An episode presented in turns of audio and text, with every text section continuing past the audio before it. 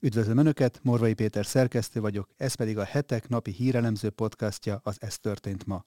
Mai témáink egy-egy mondatban. Nyilvánvaló, hogy változtatni kell a szankciós politikán, hangsúlyozta Orbán Viktor miniszterelnök a Facebook oldalán közzétett videóban. Joe Biden szerint a kubai rakétaválság óta nem volt ennyire reális a nukleáris Armageddon lehetősége, mint most. Nyílt levélben fordultak Orbán Viktorhoz a pedagógusok, akik azt kérik a miniszterelnöktől, hogy haladéktalanul nevezzen ki egy, az oktatás minden területéhez értő és az elmúlt időszak kudarcaihoz nem köthető kormánybiztost.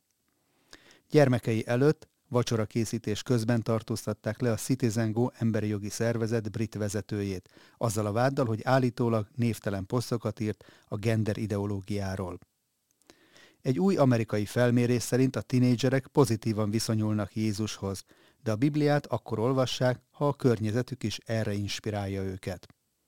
Önök az október 7-i adást hallják, a nap legizgalmasabb híreit és aktualitásokat a hetek válogatásában. Mindenről részletesen is olvashatnak és hallgathatnak a hetek.hu oldalon, illetve YouTube csatornánkon. Az adásban elhangzó témákhoz a videó leírásában megtalálják a kapcsolódó linkeket is. Köszönjük, hogy már több mint 51 ezeren követik Facebook oldalunkat, és közel 10 ezeren iratkoztak fel YouTube csatornánkra is. Ha esetleg ezt nem tették volna még meg, kérem csatlakozzanak, hogy biztosan értesüljenek a legfrissebb tartalmainkról. Nézzük akkor a témáinkat részletesebben. Orbán Viktor szerint most olyan súlyos témák vannak az Európai Uniós tárgyalóasztalon, mint az, hogy lesz-e gáz és lesz-e elektromos áram az előttünk álló télen. Ezért nyilvánvaló, hogy változtatni kell a szankciós politikán, hangsúlyozta a miniszterelnök a Facebook oldalán közzétett videóban. A kormányfő felidézte. Magyarország korábban már kiharcolt egy mentesítést az olajembargó és szankció alól, majd jelezte, az elmúlt hónapokban pedig sikerült elérni, hogy az új szankciók nem vonatkoznak sem Magyarország nukleáris energiájára, se az ország gázellátására. Orbán Viktor a videóban kitért arra is, hogy a szankciók azonban égbe emelték az energia árát, és ez Magyarországot is érinti. Az árak szinte megfizethetetlenek, mutatott rá. Oroszország egyáltalán nem esett térdre, közben az európai gazdaságok elvéreznek. Nyilvánvaló, hogy a szankciós politikán változtatni kell, fogalmazott Orbán Viktor, aki az utóbbit nevezte a találkozó tétjének. Ehhez kapcsolódó hír, hogy Mateusz Morawiecki lengyel kormányfő újságírókkal közölte, hogy a visegrádi csoportban, vagyis a V4-ek között teljes egyetértés van az uniós szankciókat illetően. Magyarország nem akadályozza az ukrajnai háborúval kapcsolatos nyolcadik szankciós csomagot. Joe Biden szerint az 1962-es kubai rakétaválság óta nem volt ennyire reális a nukleáris Armageddon lehetősége, mint most. Az amerikai elnök szerint ugyanis Putyin nem viccelt, amikor taktikai nukleáris fegyverek bevetéséről beszélt a megszállt területek elcsatolásának bejelentésekor múlt pénteken.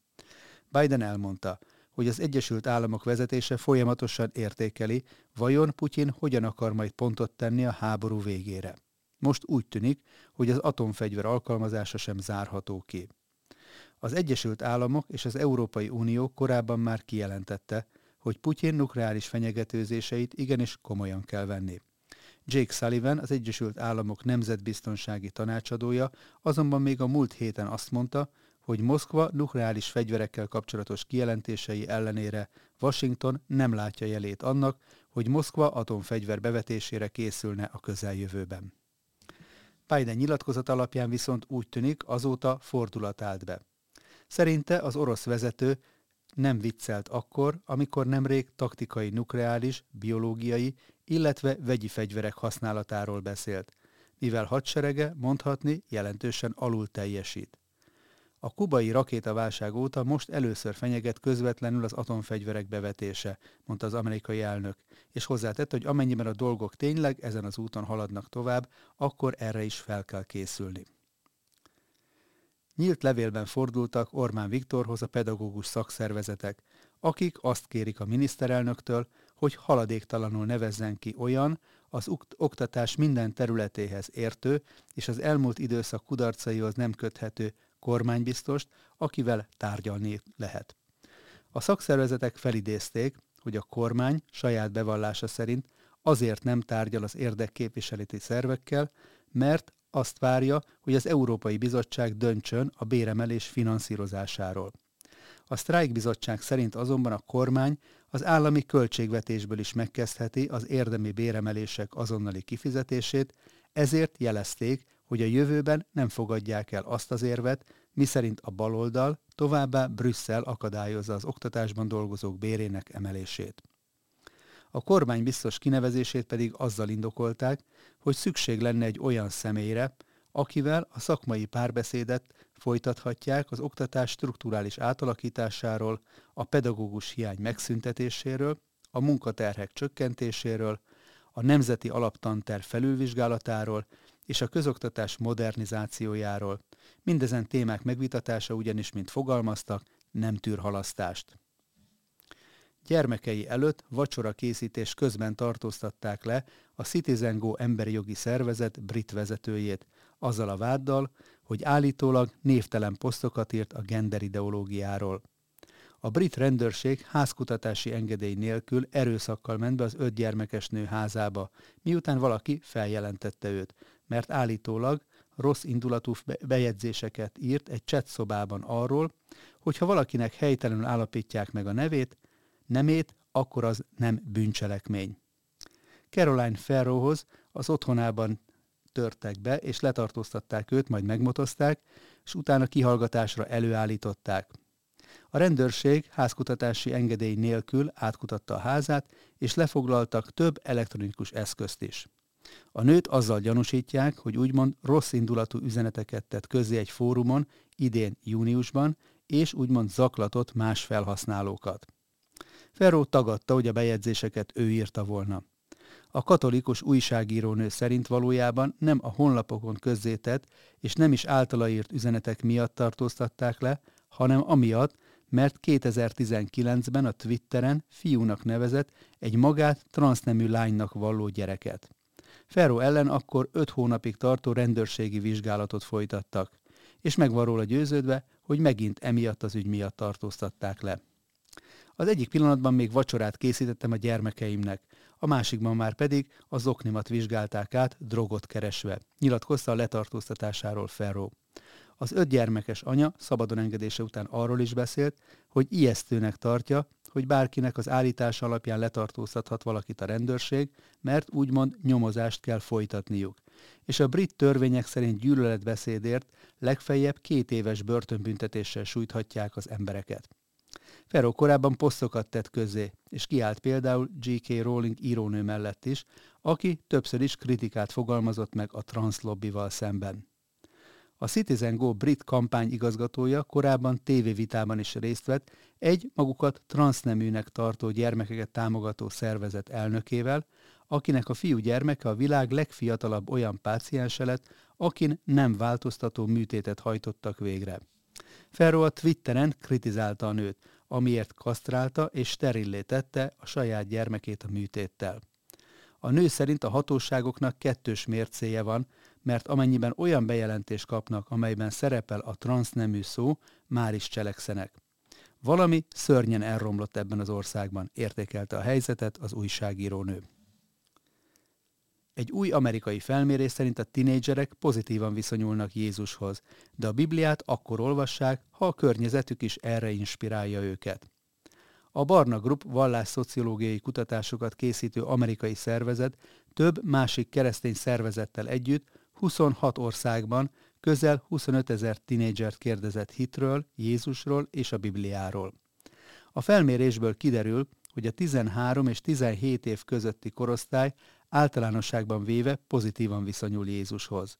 A tinik majdnem fele úgy véli, hogy Jézus reményt ad az embereknek és törődik velük, és több mint 30%-uk szerint megbízható, bőkező és valódi változásokat tud létrehozni a mai világban is. Az amerikai, kanadai, brazil és spanyol tinédzserek szerint leginkább az jellemzi Jézust, hogy megbocsátja a bűnöket, míg az orosz és indiai válaszadók leginkább az együttérzését és irgalmát emelték ki fő tulajdonságaként. A franciák, a lengyelek és a német tinik számára Jézus tanításai voltak a legfontosabbak, viszont összességében a fiataloknak mindössze 23%-a mondta azt, hogy hisz abban, miszerint a megváltóval személyes kapcsolata is lehet. A tinédzserek a Bibliáról is pozitív véleménnyel vannak, de csak 60%-uk hiszi azt, hogy az valóban Isten igéje, ami inspirált, és némelyek szerint hibák is találhatók benne.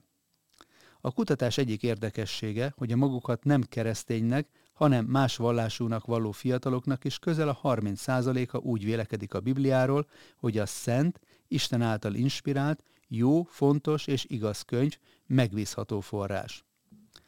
A saját elmondásuk szerint Bibliát olvasó tinik számára fontos a közösség is, több mint a felük esetében a szülei vagy gondviselője, pásztora vagy más egyházi szolgáló is hatással van arra, hogy olvassák el a Szentírást.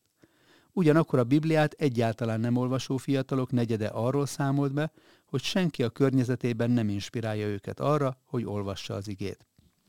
Emellett a legtöbben azt mondták, hogy leginkább az időhiány akadályozza meg őket abban, hogy a Szentírást olvassák. De az amerikaiak, egyiptomiak, indiaiak, indonézek és ausztrálok is arról számoltak be, hogy nagyon könnyen elvonja valami más a figyelmüket az olvasástól. A felmérés szerint a Bibliát rendszeresen olvasó tinédzserek számára fontosabb, hogy pozitív hatással legyenek a környezetükre, hogy segítsenek azokon, akiknek erre szükségük van, és az igazságszolgáltatást elősegítsék, mint a többi fiatal esetében. A 26 országban megkérdezett tinik esetében viszont jelentősen eltért az, hogy mit tartanak a világban a jelenlegi legsúlyosabb problémának, és az, hogy hány ilyen ügyről gondolják azt, hogy az valójában lényeges. Az amerikai fiatalok szerint csak a fai igazságtalanság probléma. A kanadai, francia, brit és indiai tinédzserek szerint viszont legalább két súlyos további probléma is van, amelyekből az egyik a globális klímaváltozás. Az orosz, brazil, mexikói, dél-afrikai és nigériai tiniket három probléma is foglalkoztatja, és ők a legaggasztóbbnak a mély szegénységet tartják. A legtöbb gond az egyiptomi és a kenyai fiatalokat nyomja le, és a hét probléma közül, amelyeket megneveztek, a munkanélküliséget tartották a legsúlyosabbnak. Az indonéz fiatalok szerint a politikai korrupció, az ausztrál és új-zélandiak szerint pedig a mentális egészséggel kapcsolatos problémák jelentik a legnagyobb kihívást. Nos, ennyi fért bele a mai ajánlónkba. Morvai Pétert hallották az Ez történt ma október 7-i adásában. Köszönöm egész heti figyelmüket, és várom Önöket újra hétfőn is aktuális hírekkel, ajánlókkal, és ha szeretnének ezekről biztosan értesülni, akkor kérem, iratkozzanak fel a hetek YouTube csatornájára, ahogyan ezt már közel tízezeren meg is tették, amit ezúton is nagyon köszönünk. A hétfői találkozásig további szép hétvégét kívánok mindenkinek, a viszont hallásra.